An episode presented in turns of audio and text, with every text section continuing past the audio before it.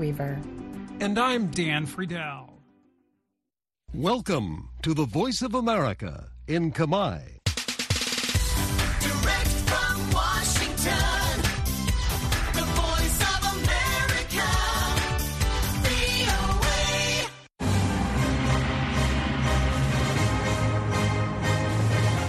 សួស្តីប្រិយមិត្តអ្នកស្ដាប់ជាទីមេត្រីនៅក្នុងកម្មវិធីផ្សាយតាមវិទ្យុរបស់ VOA នៅរាត្រីថ្ងៃសៅរ៍ ទី2ខែមីនាឆ្នាំ2024នេះខ្ញុំលីម៉ូរីវ៉ាន់និងសហការីនៃក្រុមផ្សាយជាកាមេរ៉ាភាសាសូមស្វាគមន៍ប្រិយមិត្តពីរដ្ឋធានី Washington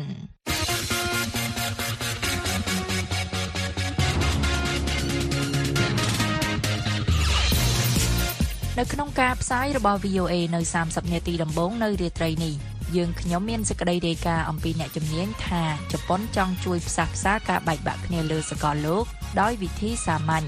ថៃត្រៀមទប់ទល់នឹងការហូរចូលជនភៀសខ្លួន បន្ទាប់ពីរបបយោធាមីយ៉ាន់ម៉ាអនុវត្តច្បាប់កាតព្វកិច្ចយោធាអាមេរិកយល់ថាចិនកំពុងចាត់វិធានការជាក់លាក់ដើម្បីប្រយុទ្ធប្រឆាំងនឹងគ្រឿងញៀនហើយនឹងសេចក្តីរាយការណ៍អំពីអ្នកស្ម័គ្រចិត្តនៅក្រុងញូវយ៉កបង្កើតកម្មវិធីថែទាំសុខភាពសម្រាប់ជនភៀសខ្លួនអ៊ុយក្រែន ហើយនៅក្នុងការផ្សាយ30នាទីចុងក្រោយរបស់យើងខ្ញុំយើងមានបទសម្ភាសន៍ VOA ជាមួយលោកអោកសេរីសុភ័ក្រអំពីការពង្រឹងអភិបាលកិច្ចនិងការទទួលខុសត្រូវដើម្បីជួយលុបបំបាត់ភាពមិនប្រក្រតីក្នុងសង្គមសេចក្តីរាយការណ៍អំពីក្រុមហ៊ុន Xiaomi ថាការពិនិត្យពិច័យរបស់ឥណ្ឌាលើក្រុមហ៊ុនចិននាំឲ្យអ្នកផ្គត់ផ្គង់គ្រឿងបន្លាស់ទូរស័ព្ទបារម្ភ ហើយនឹងសេចក្តីរាយការណ៍អំពីអិសរាជជនអូស្ត្រាលីល្បីៗជំរុញឲ្យរដ្ឋាភិបាលធ្វើការងារបន្ថែមទៀតដើម្បីកាត់បន្ថយភាពតានតឹងរវាងអាមេរិកនិងចិន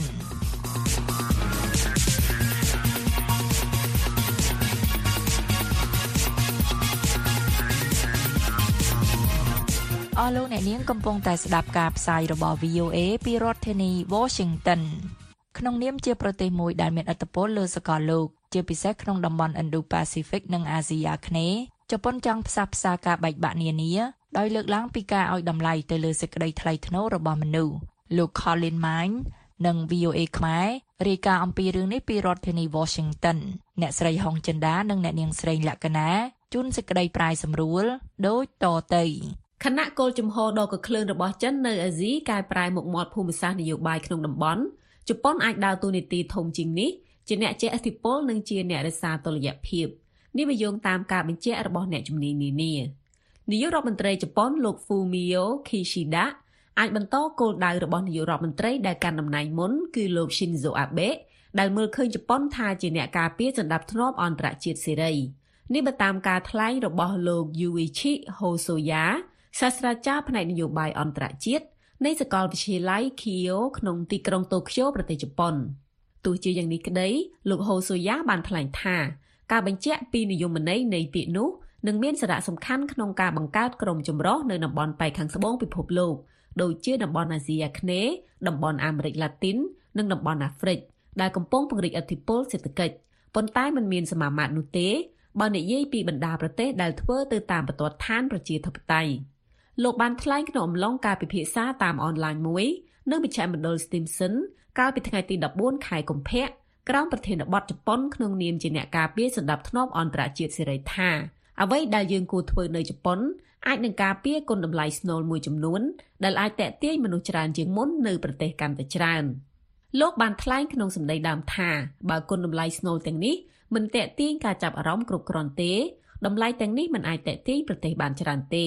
ដូច្នេះយើងត្រូវតែរកតម្លៃណា ដែលអាចតេទៀងប្រទេសភាគច្រើនក្នុងសហគមន៍អន្តរជាតិ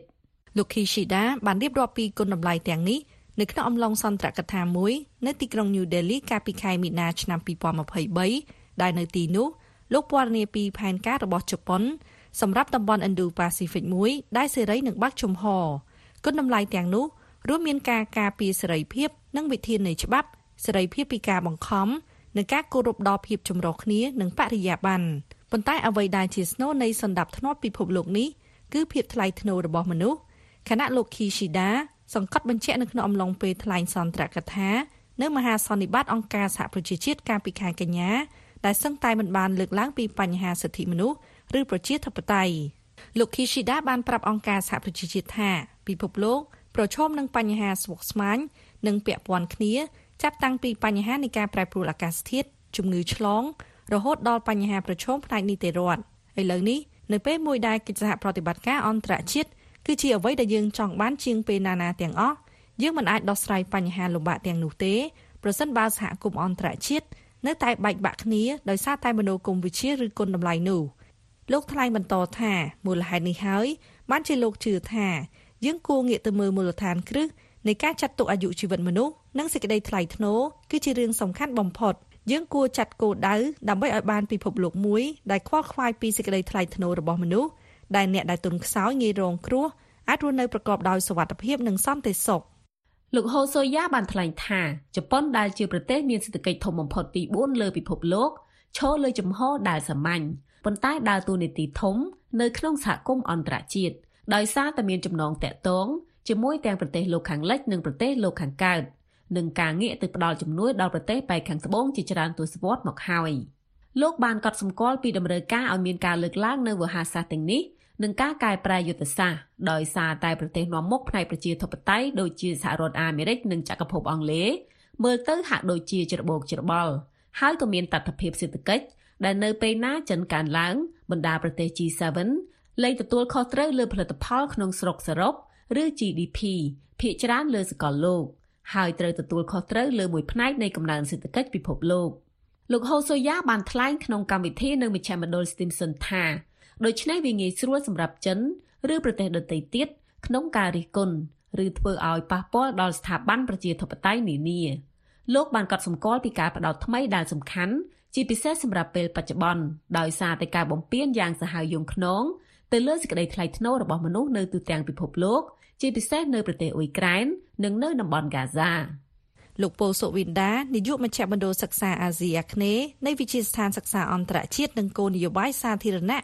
នៅឯសាកលវិទ្យាល័យភូមិន្ទភ្នំពេញបានថ្លែងថាភាពជាដៃគូជាមួយជប៉ុននៅក្នុងតំបន់ភាគច្រើនគឺផ្អែកទៅលើកិច្ចសហប្រតិបត្តិការសេដ្ឋកិច្ចលោកបានថ្លែងទៀតថាជាឧទាហរណ៍គណៈជប៉ុនមើលទៅហាក់ដូចជាលើកកម្ពស់លទ្ធិប្រជាធិបតេយ្យនិងបានចំណាយថវិការាប់លានដុល្លារទៅលើការបោះឆ្នោតនៅកម្ពុជា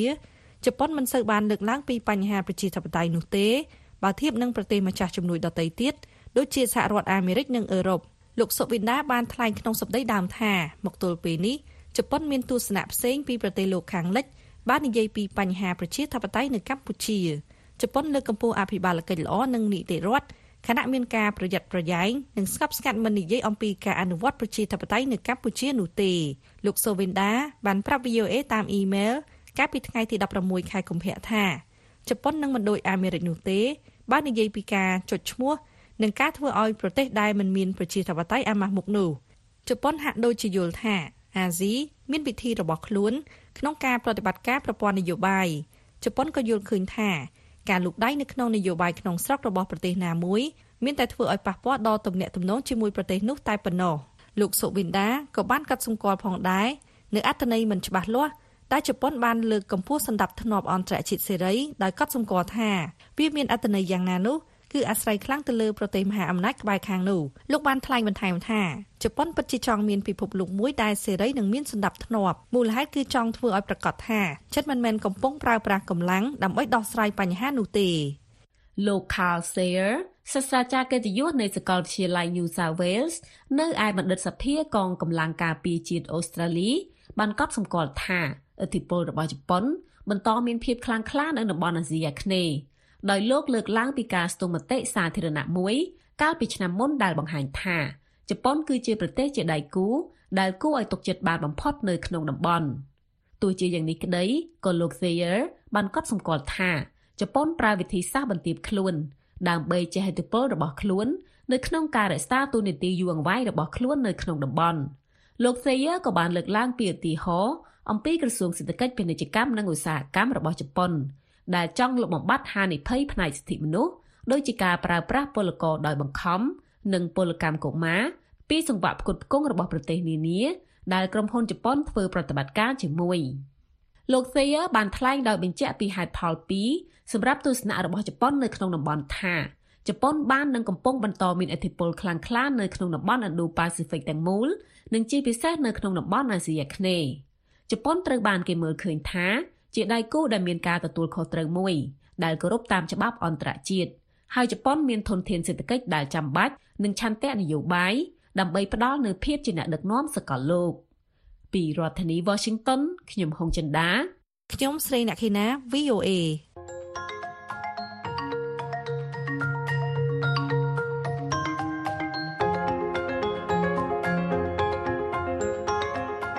សូមស្វាគមន៍មកកាន់កម្មវិធី podcast កម្ពុជាសម្លឹងទៅមុខរដូវកាលទី2ប្រិមិត្តជាទីមេត្រី កាលពីរដូវកាលទី1អស់លោកអ្នកនាងបានស្ដាប់កម្មវិធី podcast កម្ពុជាសម្លឹងទៅមុខដល់ទៅ16ភាគដែលក្រុមអ្នកស្រាវជ្រាវកម្ពុជាឆ្នើមនិងវ័យក្មេងជាច្រើនអ្នកបានពិភាក្សានិងបកស្រាយអំពីទស្សនវិស័យនិងសក្តានុពលដែលជំរុញឲ្យមានការផ្លាស់ប្តូរវិជ្ជមានលើវិស័យនានាក្នុងប្រទេសកម្ពុជារាប់ទាំងវិស័យអប់រំសេដ្ឋកិច្ចសុខាភិបាលការទូតបរិស្ថាននិងអភិបាលកិច្ចជាដើមរដូវកាលទី2របស់យើងនឹងបដោតលើប្រធានបទធំមួយដែលយើងហៅថាវប្បធម៌ Digital ឬជាភាសាអង់គ្លេស Digital Culture និយាយទៅវាសំដៅលើឱកាសនិងកត្តាប្រឈមនៃការប្រើប្រាស់បច្ចេកវិទ្យានានាដើម្បីដោះស្រាយបញ្ហាប្រឈមក្នុងសង្គមនិងជំរុញឲ្យមានការផ្លាស់ប្តូរវិជ្ជមានជាបន្តបន្ទាប់ហើយជាពិសេសបង្កើនលទ្ធភាពឲ្យកម្ពុជាសម្រេចបាននូវគោលដៅអភិវឌ្ឍរបស់ខ្លួនក្នុងគ្រប់វិស័យដោយរដូវកាលទី1ដែរលោកអ្នកនាងអាចស្ដាប់ podcast កម្ពុជាសម្លឹងទៅមុខវប្បធម៌ Digital ឬ Digital Culture នេះតាម Apple Podcast Google Podcast Spotify និងតាមគេហទំព័ររបស់យើង khmer.vnews.com/envision Cambodia Digital Culture ហើយសូមកុំភ្លេច subscribe សូមអរគុណ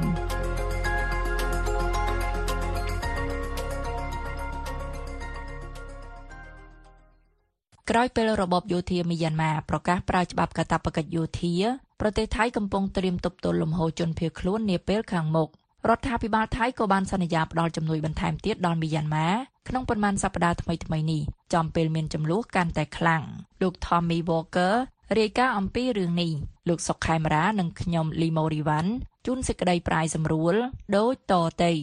ប្រទេសថៃកំពុងត្រៀមទប់ទល់លំហូរជនភៀសខ្លួនបន្ទាប់ពីរបបយោធាមីយ៉ាន់ម៉ាទើបបានប្រកាសប្រើច្បាប់កាតព្វកិច្ចយោធា អ្នកវិភាគនិយាយថារដ្ឋាភិបាលថៃគួរដាក់អ្នកដែលភៀសខ្លួនពីមីយ៉ាន់ម៉ាទៅក្នុងតំបន់សុវត្ថិភាពកាលពីសប្តាហ៍មុនរបបយោធារបស់ប្រទេសមីយ៉ាន់ម៉ាបានប្រកាសឲ្យប្រើច្បាប់ស្តីពីសេវាយោធាប្រជាជន ដែលមានន័យថាបុរសដែលមានអាយុពី18ទៅ45ឆ្នាំនិងស្ត្រីដែលមានអាយុពី18ទៅ35ឆ្នាំអាចត្រូវជ្រើសរើសឲ្យចូលបម្រើកងកម្លាំងប្រដាប់អាវុធរយៈពេល2ឆ្នាំដែលជាកាតព្វកិច្ចយោធា បុគ្គលិកមួយចំនួននៅក្នុងវិជ្ជាជីវៈឯកទេសដូចជាវិជ្ជបណ្ឌិត និងវិស្វករត្រូវតែបម្រើទ័ពរយៈពេល3ឆ្នាំក្នុងករណីប្រទេសមានគ្រាអាសន្នជាតិសេវាយោធាអាចបន្តរហូតដល់5ឆ្នាំយោធានិយាយថាបទបញ្ជាចូលបម្រើទ័ពគឺមានសារៈសំខាន់ដោយសារចំនួនជាមួយក្រុមឧទាមក្នុងប្រទេសអ្នកវិភាគនិយាយថារឿងនេះ គឺដោយសារតែរបបយោធាប្រឈមនឹងការលំបាកជ្រើសរើសអ្នកចូលបម្រើទ័ពថ្មីដែលកំពុងប្រឈមមុខនឹងបញ្ហាដ៏ធំបំផុតរបស់ខ្លួននៅលើសមរភូមិ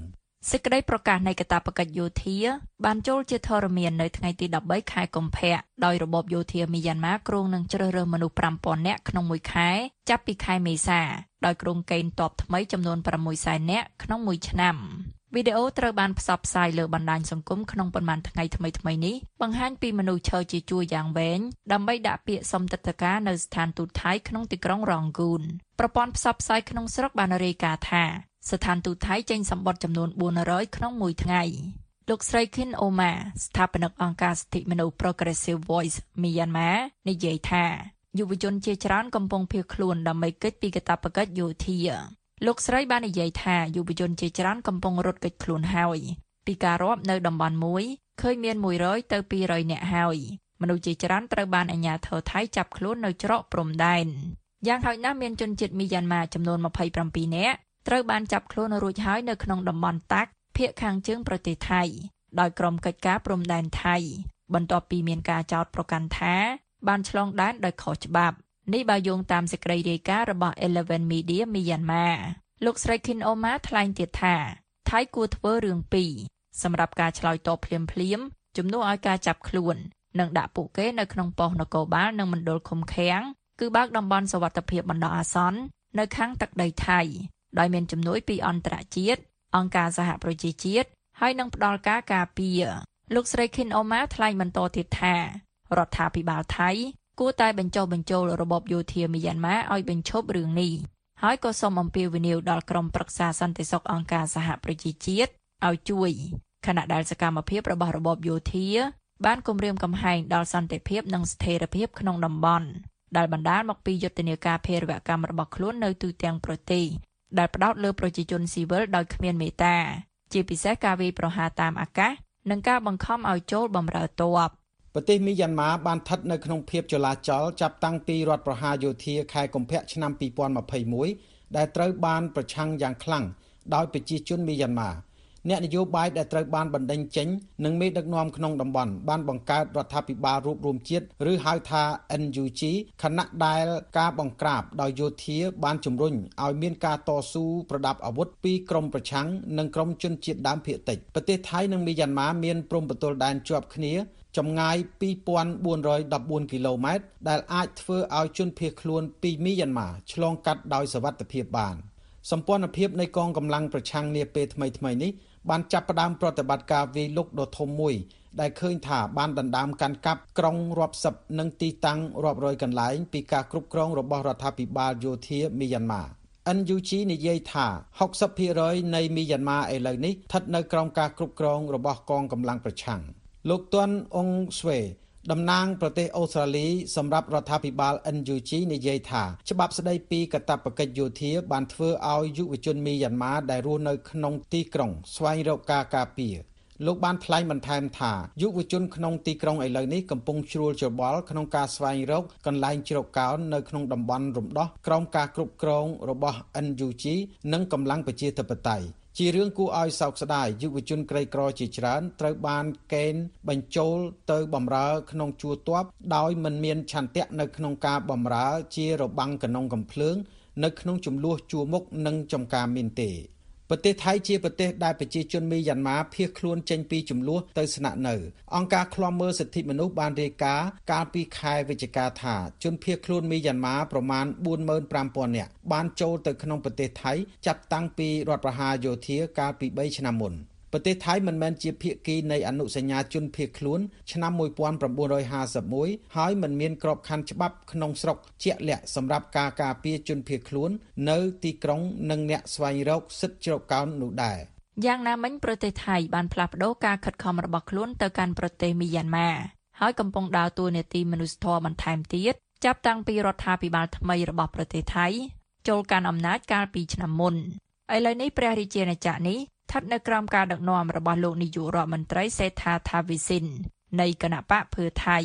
ខណៈដែលមេតបថ្មីនៃប្រទេសថៃ គឺឧត្តមសេនីយ៍សុងវិតនូនប៉ាក់ឌីត្រូវបានតែងតាំងកាលពីខែតុលារ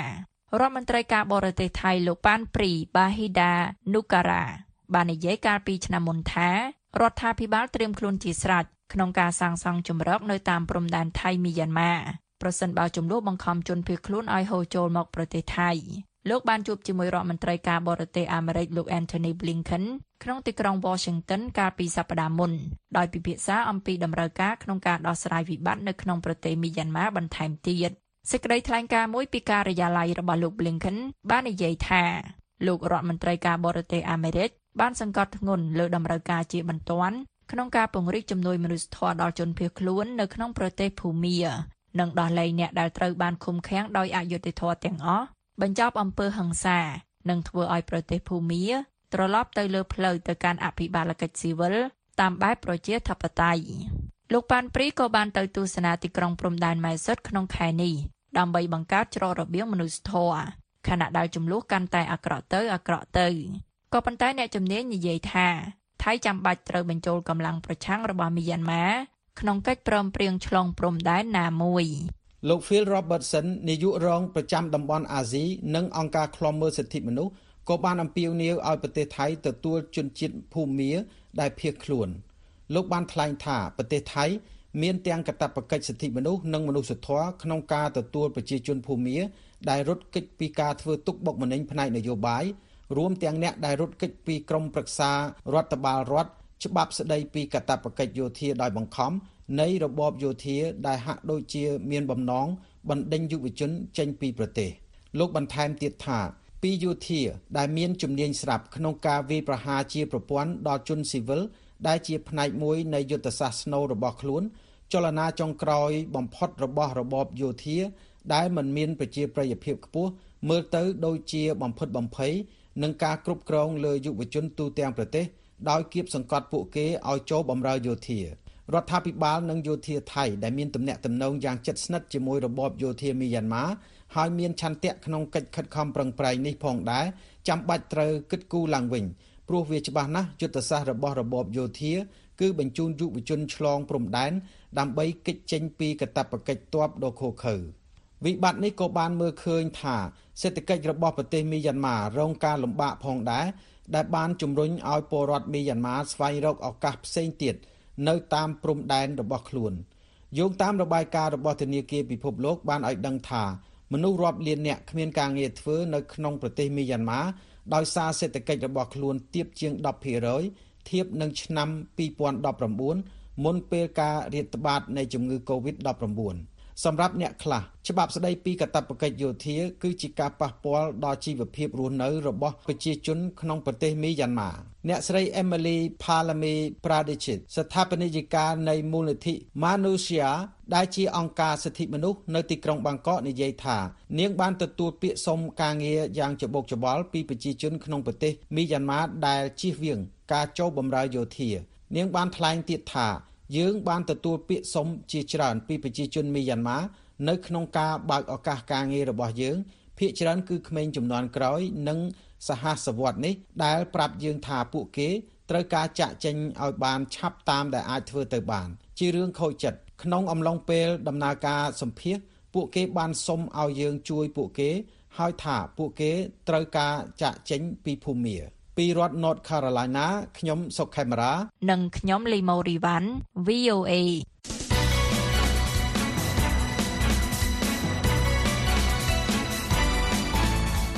ប្រិយមិត្ត VOA ជាទីមេត្រី VOA ខេមរៈភាសាទើបបានបង្កើតទំព័ររបស់ខ្លួននៅលើបណ្ដាញសង្គម Telegram ដែលនាំមកជូនលោកអ្នកនៅព័ត៌មានសំខាន់សំខាន់និងថ្មីថ្មីបំផុត អំពីប្រទេសកម្ពុជា អំពីសហរដ្ឋអាមេរិក និងព័ត៌មានអន្តរជាតិនានាក្នុងពិភពលោកសូមលោកអ្នកចូលទៅកាន់អាស័យដ្ឋាន t.me/voa ខ្មែររួចចុចពាក្យ join សូមអរគុណរដ្ឋមន្ត្រីក្រសួងសន្តិសុខមាតុភូមិសហរដ្ឋអាមេរិកនិងរដ្ឋមន្ត្រីក្រសួងសន្តិសុខសាធារណចិនបានជួបប្រជុំគ្នាកាលពីថ្ងៃទី18ខែកុម្ភៈអំពីការប្រយុទ្ធប្រឆាំងនឹងគ្រឿងញៀនសហរដ្ឋអាមេរិកយល់ថា ចិនកំពុងចាត់វិធានការជាក់លាក់ដើម្បីបង្ក្រាបគ្រឿងញៀនដែលវិធានការទាំងនេះអាចនឹងជួយកាត់ផ្តាច់លំហូរគ្រឿងញៀននានាដូចជាថ្នាំញៀន fentanyl ជាដើមមិនឲ្យចូលមកក្នុងសហរដ្ឋអាមេរិកលោក Jeff Selden រាយការណ៍អំពីរឿងនេះពីរដ្ឋធានី Washington លោកភីសុភាដាជួនសេចក្តីប្រាយសម្រួលដូចតទៅជំនុំកម្រិតខ្ពស់មួយរវាងរដ្ឋមន្ត្រីក្រសួងសន្តិសុខមាតុភូមិសហរដ្ឋអាមេរិកលោក Alejandro Mayorkas និងរដ្ឋមន្ត្រីក្រសួងសន្តិសុខសាធារណចិនលោកវ៉ាងសៀវហុង គឺជាមូលហេតុដែលធ្វើឲ្យសហរដ្ឋអាមេរិកមានក្តីសង្ឃឹមថាកិច្ចពិភាក្សាផ្សេងផ្សេងនៅពេលបច្ចុប្បន្ននេះនឹងអាចជួយកាត់ផ្តាច់លំហូរគ្រឿងញៀននានាដូចជាថ្នាំញៀន fentanyl ជាដើមមិនឲ្យចូលមកក្នុងសហរដ្ឋអាមេរិកលោកមេយោកាសបានជួបជាមួយលោកវ៉ាងសៀវហុងនៅទីក្រុងវីយ៉ែននៃប្រទេសអូទ្រីសកាលពីថ្ងៃទី18ខែកុម្ភៈកន្លងទៅនេះដើម្បីពិភាក្សាអំពីការបញ្ឈប់ការរីករាលដាលនៃថ្នាំញៀន fentanyl និងសារធាតុគីមីដែលប្រើសម្រាប់ផលិតថ្នាំញៀននេះ សំណើអត្ថបទរបស់សហរដ្ឋអាមេរិកអំពីជំនួបនេះបានបង្ហាញថាជំនួបនេះមានលក្ខណៈស្មោះត្រង់និងស្ថាបនាមន្ត្រីជាន់ខ្ពស់សហរដ្ឋអាមេរិកបានប្រាប់អ្នកយកព័ត៌មានកាលពីថ្ងៃទី20ខែកុម្ភៈថាមានសញ្ញាបង្ហាញអំពីការវិវត្តទៅមុខមន្ត្រីជាន់ខ្ពស់សហរដ្ឋអាមេរិកមួយរូបបានប្រាប់អ្នកយកព័ត៌មានក្នុងលក្ខខណ្ឌមិនបញ្ចេញឈ្មោះថានេះជាកិច្ចប្រជុំប្រកបដោយផ្លែផ្កាបំផុតមន្ត្រីរូបនេះបានបន្ថែមថាជំនួបលើកដំបូងរវាងលោក Mayorkas និងលោក Wang Xiaohong នេះមានរយៈពេលប្រហែល4ម៉ោង ដោយការពិភាក្សាបានបន្តធ្វើសូម្បីតែនៅក្នុងពេលទទួលទានអាហារពេលល្ងាចក៏ដោយជំនុំនៅក្នុងទីក្រុងវីយ៉ែននេះបានធ្វើឡើងបន្ទាប់ពីមានកិច្ចប្រជុំតាមអនឡាញមួយកាលពីខែមករារវាងលោក Mayorkas និងលោក Wang Xiaohong ក៏ដូចជាកិច្ចប្រជុំរបស់ក្រុមការងារប្រឆាំងគ្រឿងញៀនសហរដ្ឋអាមេរិកចិនកាលពីថ្ងៃទី30ខែមករាផងដែរមន្ត្រីជាន់ខ្ពស់សហរដ្ឋអាមេរិកមួយរូបបានថ្លែងកាលពីថ្ងៃទី20ខែកុម្ភៈដោយបញ្យល់អំពីសុតិធិនិយមបែបប្រយ័ត្នប្រយែងរបស់សហរដ្ឋអាមេរិកថា យើងមានវិធានការជាក់លាក់ជាច្រើនមន្ត្រីរូបនេះបានលើកឡើងដូចនេះថា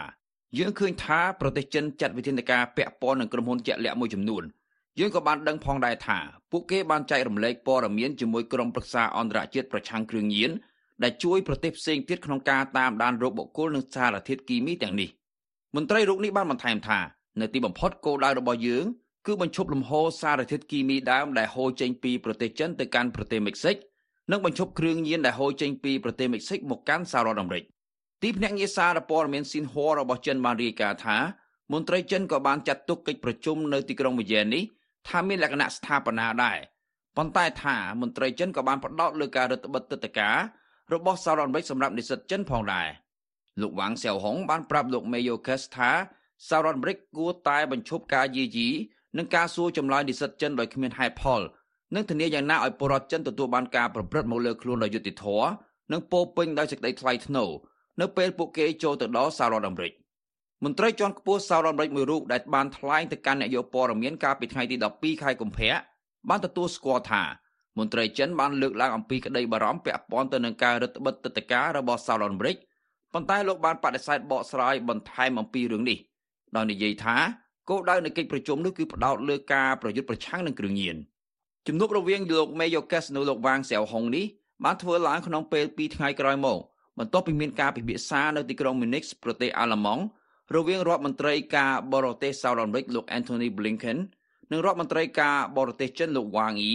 លើបញ្ហាជាច្រើនដែលក្នុងនោះរួមមានទាំងកិច្ចប្រឹងប្រែងរបស់ចិនក្នុងការប្រយុទ្ធប្រឆាំងនឹងគ្រឿងញៀននិងការឆែកឆេររបស់សហរដ្ឋអាមេរិកលើបរតចិនផងដែរពីរដ្ឋធានី Washington ខ្ញុំភីសូភាដា VOA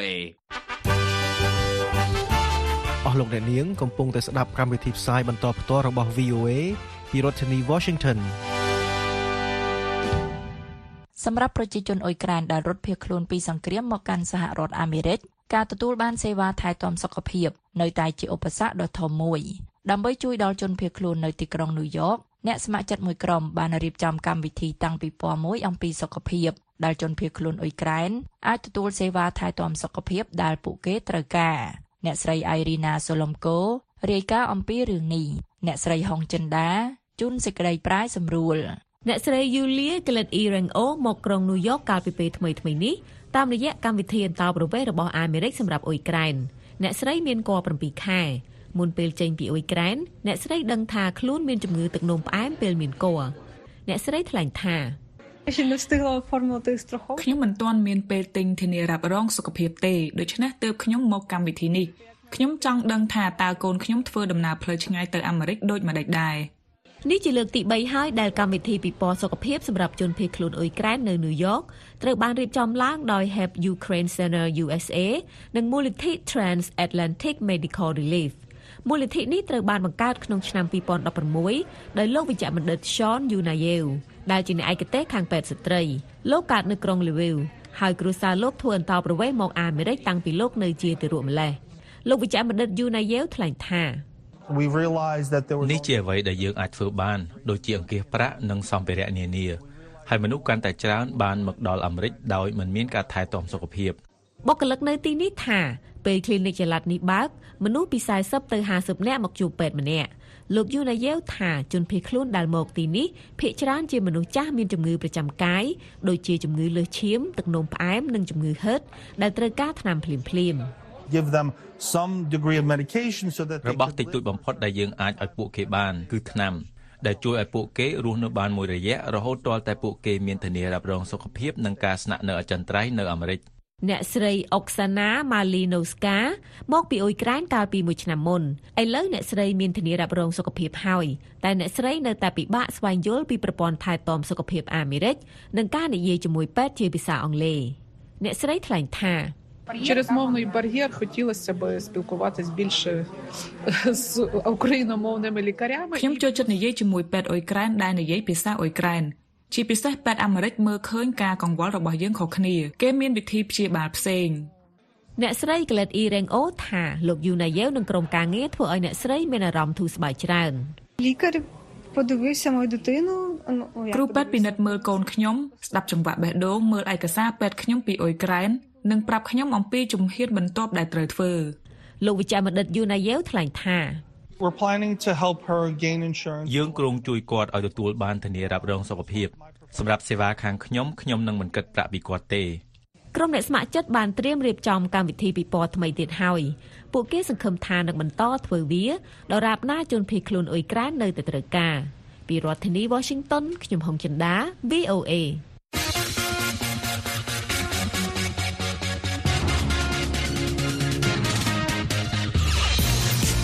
អស់លោកអ្នកនាងជាទីមេត្រីនៅក្នុងការផ្សាយរបស់ VOA ជាបន្តបន្ទាប់ទៅនេះយើងខ្ញុំមានបទសម្ភាសន៍ VOA ជាមួយលោកអោកសេរីសុភ័ក្រអំពីការពង្រឹងអភិបាលកិច្ចនិងការទទួលខុសត្រូវដើម្បីជួយលោកបំបត្តិភាពមិនប្រក្រតីក្នុងសង្គមសេចក្តីរាយការណ៍អំពីក្រុមហ៊ុន Xiaomi ថាការពិនិត្យវិจัยរបស់ឥណ្ឌាលើក្រុមហ៊ុនចិន នាំឲ្យអ្នកផ្គត់ផ្គង់គ្រឿងបន្លាស់ទូរស័ព្ទបារម្ភហើយនឹងសេចក្តីរាយការណ៍អំពីអិសរាជជនអូស្ត្រាលីល្បីៗជំរុញឲ្យរដ្ឋាភិបាលធ្វើការងារបន្ថែមទៀតដើម្បីកាត់បន្ថយភាពតានតឹងរវាងអាមេរិកនិងចិន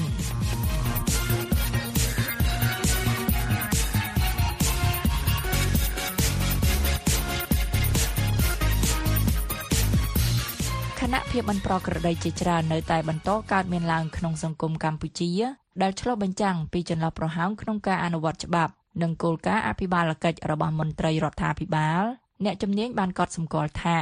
ចលនាដែលកើតចេញពីមនសិការរបស់ប្រជាពលរដ្ឋដោយប្រើបណ្ដាញសង្គមកំពុងជំរុញឲ្យមានការផ្លាស់ប្តូរវិជ្ជមានជាច្រើនក្នុងការប្រើប្រាស់គ្រឿងស្រវឹងនិងការទាមទារយុត្តិធម៌ក្នុងសង្គមជាដើមនេះបើតាមការលើកឡើងរបស់លោកអោកសេរីសុភ័ក្រអ្នកឯកទេសអភិបាលកិច្ច នៅក្នុងបទសម្ភាសន៍ជាមួយអ្នកនាងតែនសុកស្រីនិតនៃ VOA លោកសេរីសុភ័ក្របានសង្កត់ធ្ងន់ថារួមជាមួយនឹងឆន្ទៈនយោបាយដ៏មុតមមរបស់រដ្ឋាភិបាលអាណត្តិថ្មីចលនាមនសិការសង្គមនេះនឹងបង្កើតជាសក្តានុពលក្នុងការផ្លាស់ប្តូរជាលក្ខណៈវិជ្ជមានដល់ដំណើរការកាយទម្រង់គុណភាពស្ថាប័ននិងពង្រឹងកិច្ចការអភិបាលកិច្ចនៅកម្ពុជាសំឡេងអ្នកនាងស្ដាប់បទសម្ភាសន៍នេះដូចតទៅ ចាស់ប្រិមិត្តជាទីមេត្រីភាពមិនប្រក្រតីក្នុងករណីអ្នកជំងឺស្លាប់នៅមន្ទីរពេទ្យសហភាពខ្មែរសូវៀតករណីគ្រោះថ្នាក់ចរាចរណ៍ដ៏ប្រឡាយដែលបានសម្លាប់មនុស្សយ៉ាងហោចណាស់4នាក់នៅទីក្រុងភ្នំពេញដោយសារតែអ្នកបើកបរក្រោមឥទ្ធិពលគ្រឿងស្រវឹងទាំងនេះគឺជាបញ្ហាដែលនៅតែបន្តផលប៉ះពាល់ជាថវិកាផ្លូវចិត្តក៏ដូចជាអាយុជីវិតមនុស្សគណៈកិច្ចខិតខំប្រឹងប្រែងរបស់រដ្ឋាភិបាលអាណត្តិថ្មីនៅក្នុងការធ្វើកំណែតម្រង់គុណភាពស្ថាប័ននិងអនុវត្តគោលការណ៍អភិបាលកិច្ចល្អកំពុងតែបន្តធ្វើឡើងជាបន្តបន្ទាប់នាងខ្ញុំនឹងលើកឡើងពីប្រធានបទដ៏ធំមួយដែលពាក់ព័ន្ធជាមួយនឹងភាពមិនប្រក្រតីទាំងឡាយនៅក្នុងសង្គមកម្ពុជាដោយចោទសួរថាតើបញ្ហាចាក់ស្រេះនៅក្នុងសង្គមកម្ពុជាទាំងអស់នេះអាចនឹងត្រូវបានដោះស្រាយដោយរបៀបណាតើការពង្រឹងអនុវត្តគោលការណ៍អភិបាលកិច្ចល្អនិងទំនួលខុសត្រូវរបស់មន្ត្រីមានសមត្ថកិច្ចអាចផ្ដល់ជាគំរូនិងលើកកម្ពស់ក្រមសីលធម៌នៅក្នុងសង្គមកម្ពុជាយើងបានដោយកម្រិតណាចាស់នាងខ្ញុំនឹងពិភាក្សាសំណួរទាំងនេះនិងសំណួរសំខាន់សំខាន់ផ្សេងផ្សេងទៀតជាមួយនឹងវាគ្មិនរបស់យើងគឺលោកអោកស្រីសុភ័ក្រអ្នកឯកទេសអភិបាលកិច្ចចាស់សូមជម្រាបសួរលោកអោកស្រីសុភ័ក្រចាស់ លោកស្រីនិតចាស់លោកសុភ័ក្រជាកិច្ចចាប់ផ្ដើមនៃការពិភាក្សារបស់យើងនឹងខ្ញុំចង់ឲ្យលោកបង្ហាញជាចំណាប់អារម្មណ៍ក៏ដូចជាការវិភាគបែបបច្ចេកទេសពាក់ព័ន្ធជាមួយនឹងភាព មិនប្រក្រតីនៅក្នុងសង្គមកម្ពុជាដែលនឹងខ្ញុំបានលើកឡើងខាងដើមដែលបានកើតឡើងក៏ដូចជាកំពុងកើតឡើងនៅក្នុងសង្គមកម្ពុជាតើបញ្ហាទាំងអស់នេះវាឆ្លុះបញ្ចាំងឲ្យឃើញអ្វីខ្លះអំពីសង្គមកម្ពុជាដែលកំពុងស្ថិតនៅក្រោមការធ្វើកំណែទម្រង់គុណភាពស្ថាប័នបែបស៊ីជម្រៅដែលដឹកនាំដោយរដ្ឋាភិបាលអាណត្តិថ្មីរបស់លោកនាយករដ្ឋមន្ត្រីហ៊ុនម៉ាណែតនោះចា៎បាទអរគុណណាស់សេរីនិតយើងសង្កេតឃើញហើយហើយដូចដែល Hello VA អំពីរឿងអភិបាលកិច្ចល្អក៏បាននិយាយច្រើនដងរួចមកហើយក្នុងមួយខែចុងក្រោយនេះយើងឃើញថារដ្ឋាភិបាលថ្មីជាមួយនឹងសម្ដេចព្រះវរធិបតីហ៊ុនម៉ាណែតដែលជានាយករដ្ឋមន្ត្រីក្មេងបានបង្ហាញនៅឆន្ទៈនយោបាយខ្ពស់ណាស់បាននៅក្នុងការលៀងសម្អាតភាពកខ្វក់ដែលសល់យូរមកហើយជាង3ទសវត្សរ៍ហ្នឹង ក៏ប៉ុន្តែយើងត្រូវតែទទួលស្គាល់ថាផ្នែកគំនិតអេយ៉ាបតទម្លាប់វប្បធម៌ដែលអសកម្មអវិជ្ជមានដែលដុសស្លែមកហើយនឹងមិនងាយនឹងកែបានដោយភ្លាមភ្លាមក្នុងតែប្រហែលខែឬប្រហែលឆ្នាំនឹងទេហើយម្យ៉ាងទៀតយើងក៏ដឹងស្រាប់ដែរថាវប្បធម៌និតនភាព ខុសហើយធ្វើខុសហើយហើយរួចទោសហ្នឹងគឺថាសឹងតែជាទូទៅទៅហើយនៅក្នុងរឿងទាំងអស់ហ្នឹងអ្នកអ្នកប្រព្រឹត្តហ្នឹងគាត់ដឹងទេគាត់ដឹងយើងយើងសួរថាតើគាត់ដឹងទេនៅពេលដែលគាត់ញ៉ាំស្រាសវឹងអាចនឹងបើកឡានទៅបុកគេសួរថាគាត់ដឹងមិនមែនអត់ដឹងទេបាទហើយអ្នកដែលប្រព្រឹត្តខុសនៅតាមមន្ទីរពេទ្យនេះសួរថាគាត់ដឹងនៅពេលដែលប្រជាពលរដ្ឋរងគ្រោះទៅបង្ហោះ Facebook ទៅសួរថាគាត់ដឹងទេ ថាគាត់ដឹងមិនមែនមិនដឹងទេក៏ប៉ុន្តែទាំងអស់គ្នាតែងតែជឿថានៅប្រទេសកម្ពុជារបស់យើងឲ្យតែឈរនៅលើខាងអំណាចឈរនៅលើខាងរដ្ឋាភិបាលឈរនៅលើខាងរដ្ឋបាលសាធារណៈហើយមានលុយផងគឺថាអាចដោះស្រាយបញ្ហាអ្វីៗបានទាំងអស់បាទហើយរឿងដែលកន្លងមកទាំងប្រមាណនេះយើងដឹងសពហើយថាផ្នត់គំនិតយកលុយយកអំណាចទៅដោះស្រាយបញ្ហាទោះបីជារឿងដែលតាក់ទងទៅនឹង សម្រាប់ជីវិតរបស់ប្រជាពលរដ្ឋហ្នឹងក៏ម្នាក់ម្នាក់ជឿថាលុយអាចដោះស្រាយបញ្ហាបានដែរជំនឿនេះហើយនឹងផ្នត់គំនិតនេះចាក់ចាក់ជ្រៅណាស់នៅក្នុងចំណោមអ្នកដែលមានអំណាចហើយនឹងអ្នកដែលមានលុយកាក់ហ្នឹងដូច្នេះយើងត្រូវតែទទួលស្គាល់ថាវាជាការពិបាកកែមួយដែលมันអាចនឹងมันអាចកែបានទេនៅក្នុងរឿងទាំងអស់ហ្នឹងហើយម្យ៉ាងទៀតដោយយើងបាននិយាយពីខែមុនរួចមកហើយគឺថាប្រព័ន្ធតុលាការយើងគិតមើលគ្រួសារ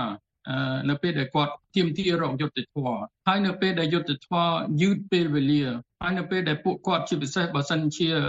អ្នកដែលទទួលខុសត្រូវក្នុងគ្រួសារនោះបាត់បង់ជីវិតតើតើមានអ្នកណាអ្នកនឹងមករាប់អ្នកណាមានមធ្យោបាយដើម្បីនឹងចិញ្ចឹមថែរក្សាគាត់ទៀតម្ល៉េះហើយចំនួនទាំងប្រមាណទោះបីសោកទៀតការមានស្លាប់ជីវិតមនុស្សអីក៏ដោយក៏តែងតែគ្រួសារជនរងគ្រោះហ្នឹងសម្រាប់សម្រួលគឺទទួលយកនៅ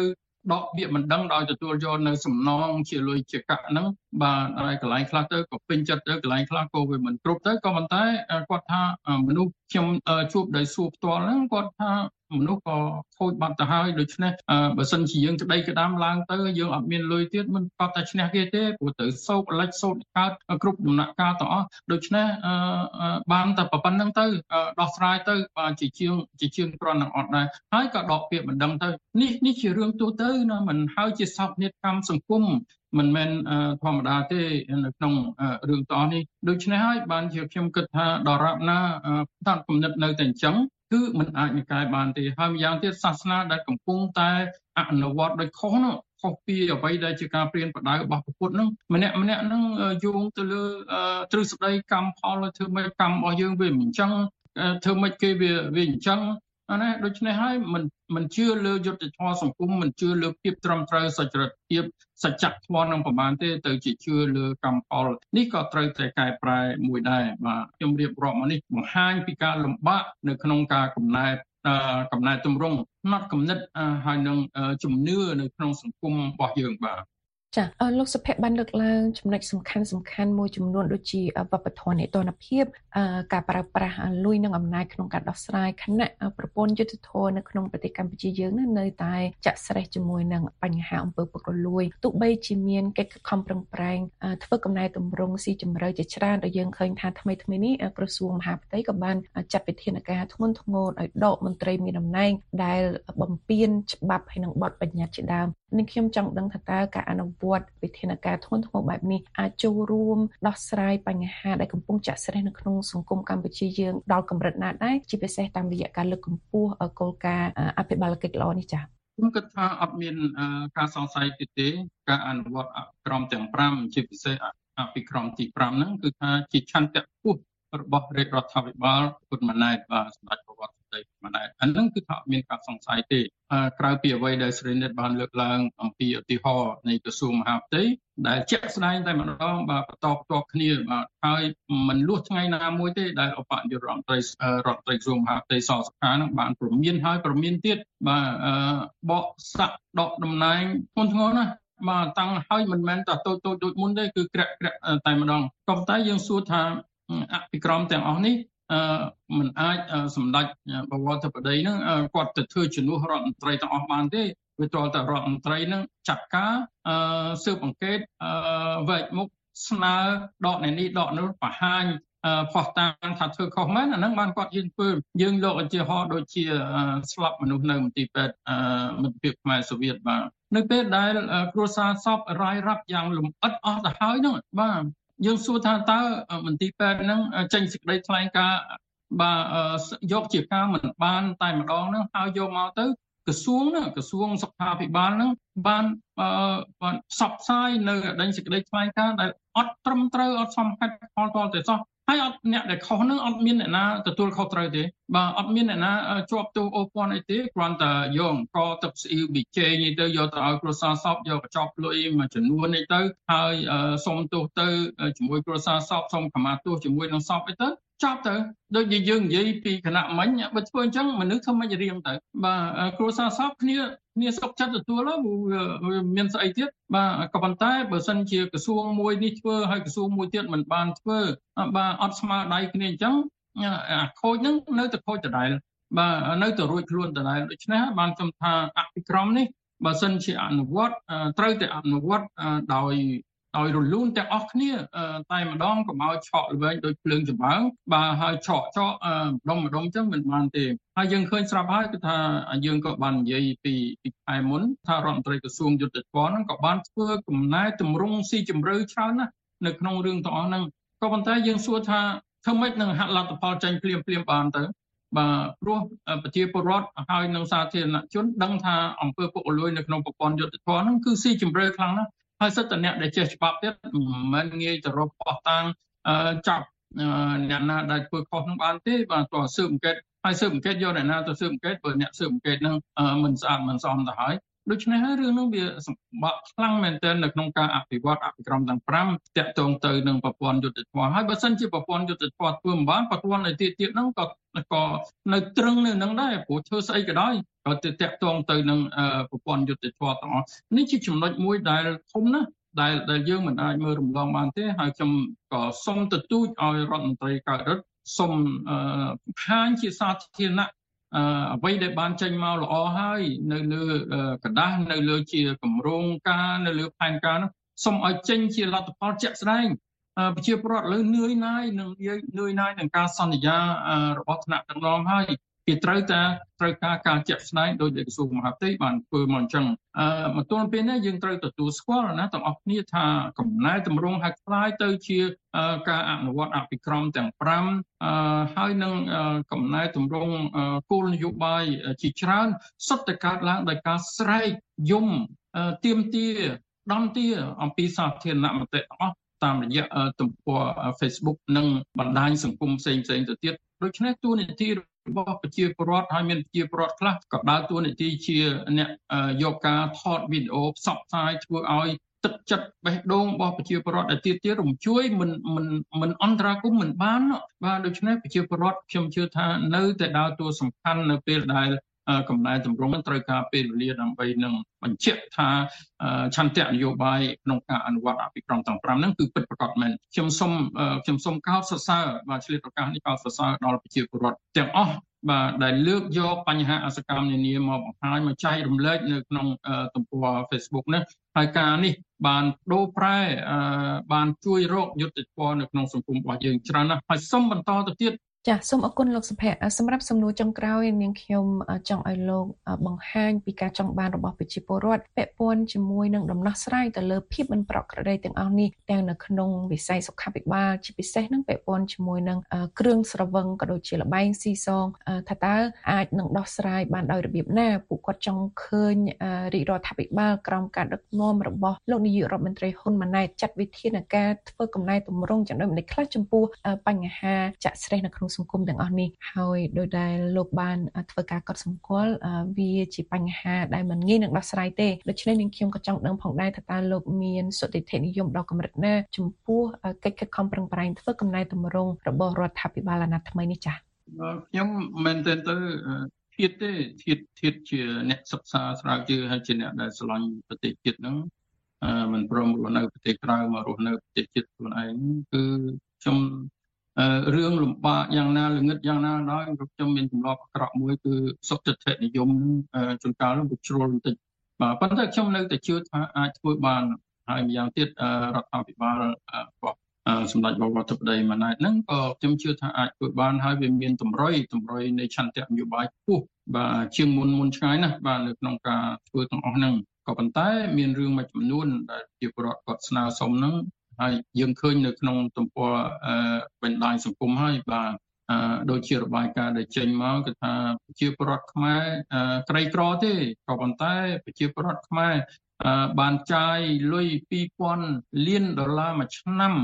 បាទ2.3ពាន់លានដុល្លារមួយឆ្នាំក្នុងការអឺសេពគ្រឿងស្រវឹងបាទដូច្នេះវាវាវាប្រទេសមួយប៉ុណ្ណឹងឲ្យទៅប្រើលុយ បញ្យកលុយនោះទៅធ្វើបសង់សាលាទៅជួយក្មេងកំព្រាទៅជួយអ្នកក្រធ្វើរឿងកសិកម្មជីកបន្លាយទឹកអីមិនដឹងអស់អស់ប្រមាណទេបាទមិនដឹងបានប្រមាណទេបាទដូច្នេះវាហួសចិត្តនៅពេលដែលតួលេខការស្រាវជ្រាវនឹងចេញមកចឹងហើយបានជាមានមានមនសិការសង្គមនឹងចាប់ផ្ដើមកើតហើយឥឡូវនឹងមានអ្នកខ្លះគឺថាផ្សព្វផ្សាយចេញមក គឺខ្ញុំរៀបការអឺមង្គលការរបស់ខ្ញុំអត់ប្រើគ្រឿងសង្វឹងទេ បាទខ្ញុំអត់ផ្សព្វផ្សាយគ្រឿងសង្វឹងទេអឺអ្នកកសែតវ័យក្មេងគឺថាខ្ញុំឈប់ផ្សព្វផ្សាយគ្រឿងសង្វឹងក្រុមហ៊ុនដែលលក់ស្រាបៀរហៅខ្ញុំឲ្យធ្វើបត់យកការខ្ញុំឈប់យកការហើយទោះបងចង់បានលុយក៏ដោយដូច្នេះវាមានចលនាវាមានសតិសម្បញ្ញៈសង្គមចេញមកអញ្ចឹងបាទនៅពេលដែលយើងនាំគ្នាស្រែកអញ្ចឹងទៅ ហើយម្យ៉ាងទៀតដូចជានៅកែបជាដើមយើងទៅដល់ទៅឃើញហ្នឹងគឺថាតាំងពីចូលឆ្នាំឆ្អើទៅតានីស្អីហ្នឹងគឺប៉ាណូស្រាបៀហ្នឹងពោហែពេញហ្នឹងលម្អទីក្រុងឥឡូវគ្រាន់តែជាប្រវត្តិស្រ័យទៅដល់អស់នេះបាទខ្លាយជាទៅជំទង់ជាតិខ្លាយទៅជាទេសភាពអីអាហ្នឹងវាវាឲ្យឃើញថាចេញមកអញ្ចឹងអឺម្យ៉ាងទៀតខ្ញុំគិតថាអ្នកដែលទទួលខុសត្រូវនៅស្រុកអាទិត្យទៀតដោយស្រុកអាមេរិកស្រុកបារាំងដែលខ្ញុំធ្លាប់រស់នៅអីជាដើមតកាលណាគ្រោះថ្នាក់គេដកគេដកបានបើកបរហើយ បាទគេអត់ឲ្យបើកបរទៀតទេបាទហ្នឹងគឺធ្ងន់ធ្ងរហើយបើសិនជាដេញធ្វើឲ្យបាត់បង់ដល់ជីវិតមនុស្សទៅទៀតអូអាហ្នឹងរត់ទៅតឹងរឹងទៀតបាទទោះបីជាសំណងលុយកាក់ក៏ដោយក៏អត់រួចខ្លួនដែរអាហ្នឹងអាយកាហ្នឹងគេទាញយកទៅដាក់គុកតលតែបានហើយគ្មានចេញមកវិញទេបាទហើយមិនបាច់និយាយរឿងដកពាក់មីបើកឡានអាហ្នឹងគឺវាអូតូម៉ាទិកបាទស្វ័យប្រវត្តិជាម្ដងបាទ ដូច្នេះហើយខ្ញុំគិតថាអំពីរឿងនៅមន្ទីរពេទ្យក៏ដូចជាស្ថាប័នឯទៀតទៀតត្រូវតែអ្នកទទួលខុសត្រូវដឹកនាំមន្ទីរពេទ្យឬមួយក្រសួងសុខាភិបាលត្រូវតែពង្រឹងវិជ្ជាជីវៈរបស់មន្ត្រីគ្រប់ជាន់ថ្នាក់មិនអាចសម្ដីកង់កាចបាត់ពឿនបាទហើយជាពិសេសអ្នកបើកអំឡុងហ្នឹងគាត់មិនដឹងអាងស្អីគាត់ទេបាទខ្ញុំខ្ញុំធ្លាប់ឃើញផ្ទាល់បាទខ្ញុំជូនគ្រួសារខ្ញុំទៅចាក់ថ្នាំកូវីដអី សម្ដីអាក្រក់ក្រក់ណាអូយបាទមិនមិនសមជាអ្នកបម្រើប្រជាពលរដ្ឋអារឿងតហ្នឹងត្រូវឈប់ហើយត្រូវតកែប្រែអ្នកណាដែលអញ្ចឹងជាមួយនឹងប្រជាពលរដ្ឋដកចោលទៅបាទកុំស្ដាយស្នោះអីបាទយកពលលុយអស់ហ្នឹងជាលុយពុនរបស់ជាប្រវត្តិទេបាទបើសិនជាយើងសន្មត់ថាដាក់អភិក្រមហើយដាក់ឲ្យអស់តែមកទៅបាទរឿងណាដែលអាចធ្វើទៅបានបាទជាប្រវត្តិឥឡូវហ្នឹងមិនមិនមិនល្ងងដូចមុនទៀតទេគេតាមដាន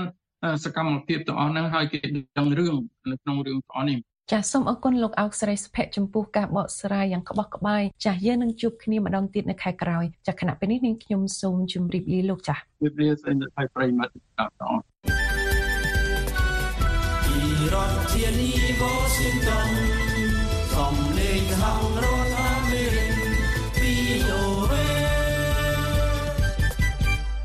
ក្រុមហ៊ុន Xiaomi នៃប្រទេសចិនបានប្រាប់រដ្ឋាភិបាលក្រុង New Delhi ថាអ្នកផ្គត់ផ្គង់ផ្នែកនានានៃទូរស័ព្ទទំនើបប្រយ័ត្នប្រយែងអំពីការធ្វើប្រតិបត្តិការនៅក្នុងប្រទេសឥណ្ឌា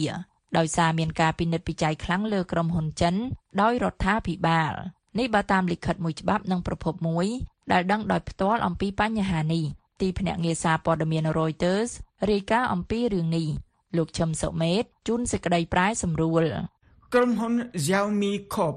ដែលមានភាគហ៊ុនច្រើនជាងគេក្នុងទីផ្សារទូរស័ព្ទទំនើបនៃប្រទេសឥណ្ឌាគឺចំនួន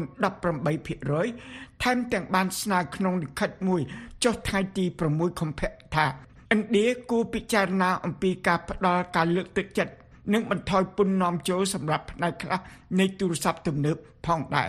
ក្រុមហ៊ុនចិននេះដំឡើងទូរស័ព្ទទំនើបនៅក្នុងប្រទេសឥណ្ឌាដោយប្រើប្រាស់គ្រឿងបន្លាស់ភាគច្រើននៅក្នុងប្រទេសនិងសល់ប៉ុន្មាននាំចូលពីប្រទេសចិននិងកន្លែងឯទៀតលិខិតនេះជាការឆ្លើយតបរបស់ក្រុមហ៊ុន Xiaomi ចំពោះសំណួរមួយ ពីក្រសួងបច្ចេកវិទ្យាព័ត៌មាននៃប្រទេសឥណ្ឌាដែលសួរថាតើរដ្ឋាភិបាលក្រុង New Delhi អាចអភិវឌ្ឍវិស័យផលិតគ្រឿងបន្លាស់របស់ប្រទេសដោយបែបណាថែមទៀត ឥណ្ឌាបានបង្កើនការពិនិត្យវិจัยលើក្រុមហ៊ុនចិនក្រោយការប៉ះទង្គិចតាមព្រំដែនកាលពីឆ្នាំ2020រវាងប្រទេសទាំងពីរដែលបាននាំឲ្យធានឥណ្ឌាយ៉ាងតិចណាស់20អ្នកស្លាប់និងធានចិន4អ្នកបាត់បង់ជីវិត ការនេះបានបង្អាក់ផែនការវិនិយោគរបស់ក្រុមហ៊ុនចិនធំធំនឹងនាំឲ្យមានការតវ៉ាច្រើនពីរដ្ឋាភិបាលប៉េកាំងទោះជាក្រុមហ៊ុនចិននៅឥណ្ឌារួញរាក្នុងការនិយាយជាសាធារណៈ អំពីការពិនិត្យវិจัยនេះក៏ដោយក៏លិខិតរបស់ក្រុមហ៊ុន Xiaomi បង្ហាញថាក្រុមហ៊ុនទាំងនេះបន្តតស៊ូនៅឥណ្ឌាជាពិសេសក្នុងផ្នែកទូរស័ព្ទទំនើបដែលគ្រឿងបន្លាស់សំខាន់សំខាន់ជាច្រើន ដឹកចូលដោយអ្នកផ្គត់ផ្គង់ចិននៅក្នុងលិខិតនោះលោក Murali Krishnan B ប្រធានសាខាក្រុមហ៊ុន Xiaomi នៅឥណ្ឌាបាននិយាយថាឥណ្ឌាត្រូវធ្វើឲ្យមានវិធានការ កសាងទំនុកចិត្តដើម្បីលើកទឹកចិត្តដល់អ្នកផ្គត់ផ្គង់គ្រឿងបន្លាស់ឲ្យបង្កើតកិច្ចប្រតិបត្តិការនៅក្នុងប្រទេសឥណ្ឌាលោក Murali Krishnan បាននិយាយដោយមិនបានបញ្ចេញឈ្មោះក្រុមហ៊ុនណាមួយទេថាមានកង្វល់ក្នុងចំណោមអ្នកផ្គត់ផ្គង់គ្រឿងបន្លាស់ស្ដីពីប្រតិបត្តិការនៅឥណ្ឌាដោយសារឧបសគ្គត្រូវប្រឈមដោយក្រុមហ៊ុននៅឥណ្ឌាជាពិសេសពីប្រពន្ធចិនសម្បត្តិនេះបានចែងថាកង្វល់ទាំងនេះតេតិននឹងការគោរពច្បាប់ និងបញ្ហាទិដ្ឋាការប៉ុន្តែមិនបានរៀបរាប់លំអិតនិងមិនបាននិយាយអំពីកត្តាឯទៀតឯទៀតទេនិកាត់នេះនិយាយថារដ្ឋាភិបាលគួរដោះស្រាយកង្វល់ទាំងនេះហើយធ្វើឲ្យមានការទុកចិត្តរបស់អ្នកផ្គត់ផ្គង់គ្រឿងបន្លាស់បរទេសដើម្បីលើកទឹកចិត្តពួកគេឲ្យបង្កើតកន្លែងផលិតនៅប្រទេសឥណ្ឌាក្រុមហ៊ុន Xiaomi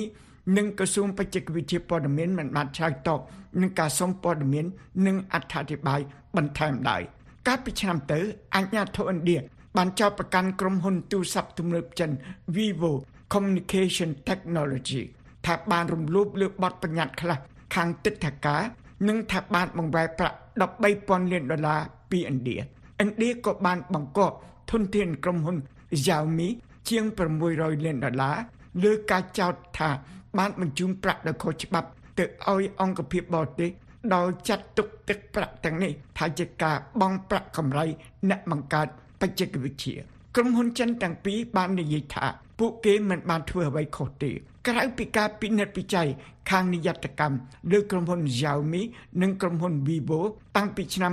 2020មកប្រទេសឥណ្ឌាថែមទាំងបានហាម5 apps ចិនជាង300មានរួម TikTok របស់ ByteDance ហើយបានរៀបរៀងគម្រោងការនានាដូចជាគម្រោងការដោយក្រុមហ៊ុនផលិតរថយន្ត BYD Company និង Great Wall Motor Company ផងដែរប្រពន្ធបាននិយាយថាពួកអ្នកចាត់ចែងកិច្ចការប្រតិបត្តិច្រើនអ្នកនៃក្រុមហ៊ុនអេເລັກត្រូនិកចិនពិបាកទទួលទឹកតការចូលប្រទេសឥណ្ឌាហើយក្រុមហ៊ុនពួកគេនៅតែប្រឈមនឹងការយឺតយ៉ាវក្នុងការទទួលការអនុញ្ញាតឲ្យបណ្ដាក់ទុន ដោយសារការពិនិត្យពិច័យតឹងរឹងដោយរដ្ឋាភិបាលក្រុងនូដេលីនៅក្នុងលិខិតនោះលោក Murali Krishnan នៃក្រុមហ៊ុន Xiaomi ក៏បានសុំឲ្យបន្ថយពន្ធដារលើទំនិញដែលនាំចូលឥណ្ឌាបន្ទាប់ពីវិធានការកាលពីថ្ងៃទី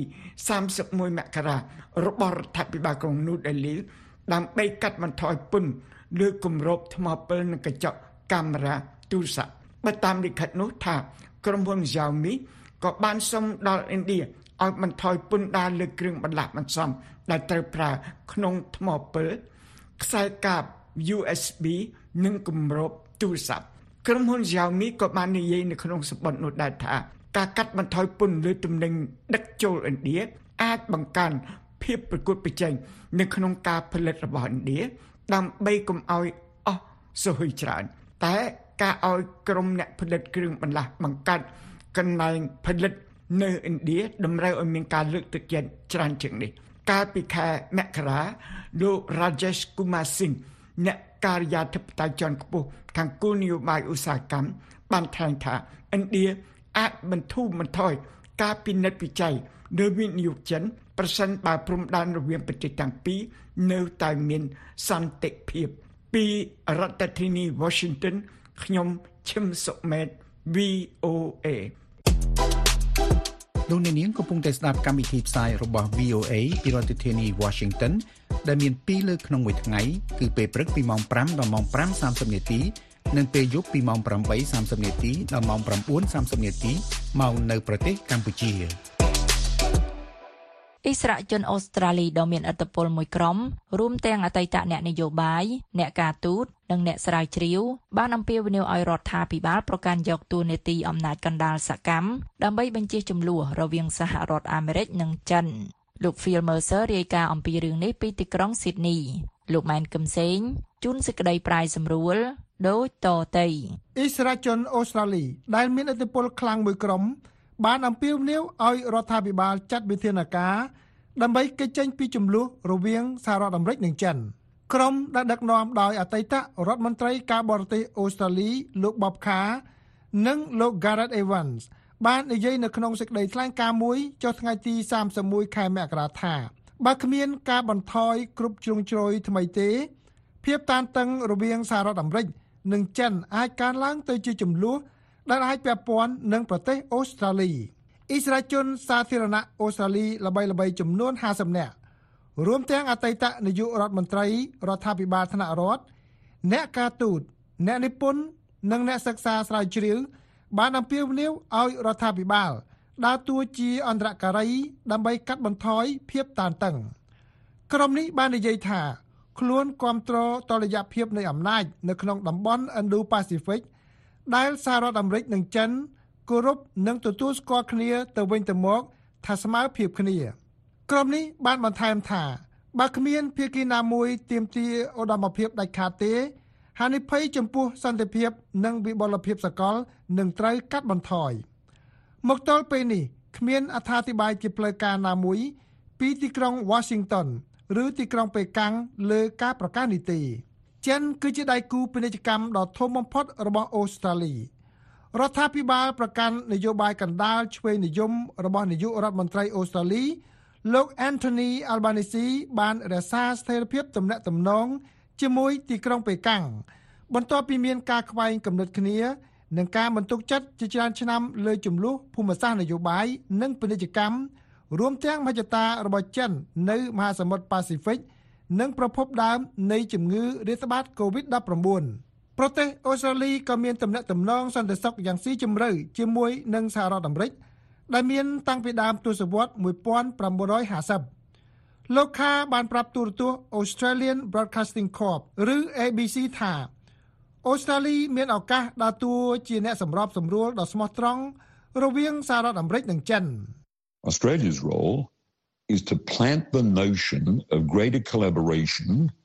and less adversarial talk in the relationship Taiwan ទូនីតិរបស់អូស្ត្រាលីគឺដើម្បីបណ្ដុះគោលគំនិតនៃការសហការកាន់តែធំនិងមិនសូវមានចំនួនក្នុងទំនាក់ទំនងនេះតៃវ៉ាន់ដែលជាបញ្ហាការទូតដ៏លំបាកបំផុតនៅទីនេះផ្ដល់ឱកាសដ៏ល្អឥតខ្ចោះនៃការប្រើប្រាស់ភាសាការទូតដាក់គ្នាជាជាងទទួលយកជំរើសមួយដែលធ្លាក់ចូលទៅក្នុងចំនួននិងការប្រកែកគ្នាដែលអាចបង្កឲ្យមានសង្គ្រាមរដ្ឋាភិបាលអូស្ត្រាលីធ្លាប់បានទទួលស្គាល់ថា នឹងមានភាពខុសគ្នានឹងការលំបាកក្នុងទំនាក់ទំនងទ្វេភាគីរបស់ខ្លួនជាមួយចិនរដ្ឋាភិបាលកំពុងជំរុញផែនការទិញនាវាមួយទឹកដើរដោយធម្មពលនុយក្លេអ៊ែរ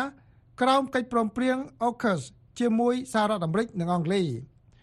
ក្រុមអ្នកវិភាគនិយាយថា ការបង្កើនភាពកក្លឿនរបស់ចិន គឺជាការជំរុញទឹកចិត្តដ៏សំខាន់មួយឲ្យប្រទេសទាំង3សម្រេចលើកិច្ចព្រមព្រៀងត្រីភាគី AUKUS ប៉ុន្តែប្រទេសចិនបានចោទប្រកាន់ប្រទេសទាំង3ថា មានគំនិតធ្វើសង្គ្រាមត្រជាក់ដោយនិយាយថាសម្ព័ន្ធភាពនេះកំពុងចាប់ផ្ដើមដើរលើផ្លូវខុសឆ្គងនិងគ្រោះថ្នាក់ពីរដ្ឋធានី Washington ខ្ញុំម៉ែនកឹមសេង VOA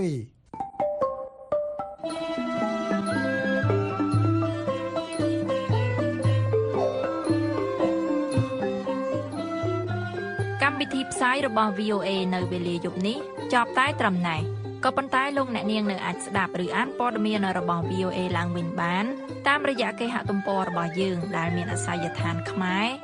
.voanews.com សំលោកអ្នកនាងរងចាំស្ដាប់សេចក្តីរាយការណ៍ព័ត៌មានជាតិនិងអន្តរជាតិរបស់ VOA នៅក្នុងការផ្សាយបន្តផ្ទាល់របស់យើងខ្ញុំនៅព្រឹកស្អែកទៀត ពីម៉ោង5ដល់ម៉ោង5:30នាទីតាមរលកវិទ្យុ31និង49ម៉ែត្រត្រូវនឹងកម្រិត9320 5915និង1575 kHz សំឡេងអ្នកនាងប្រកបដោយសេចក្តីសុខនិងសុភមង្គលគ្រប់ប្រការរាត្រីសួស្តី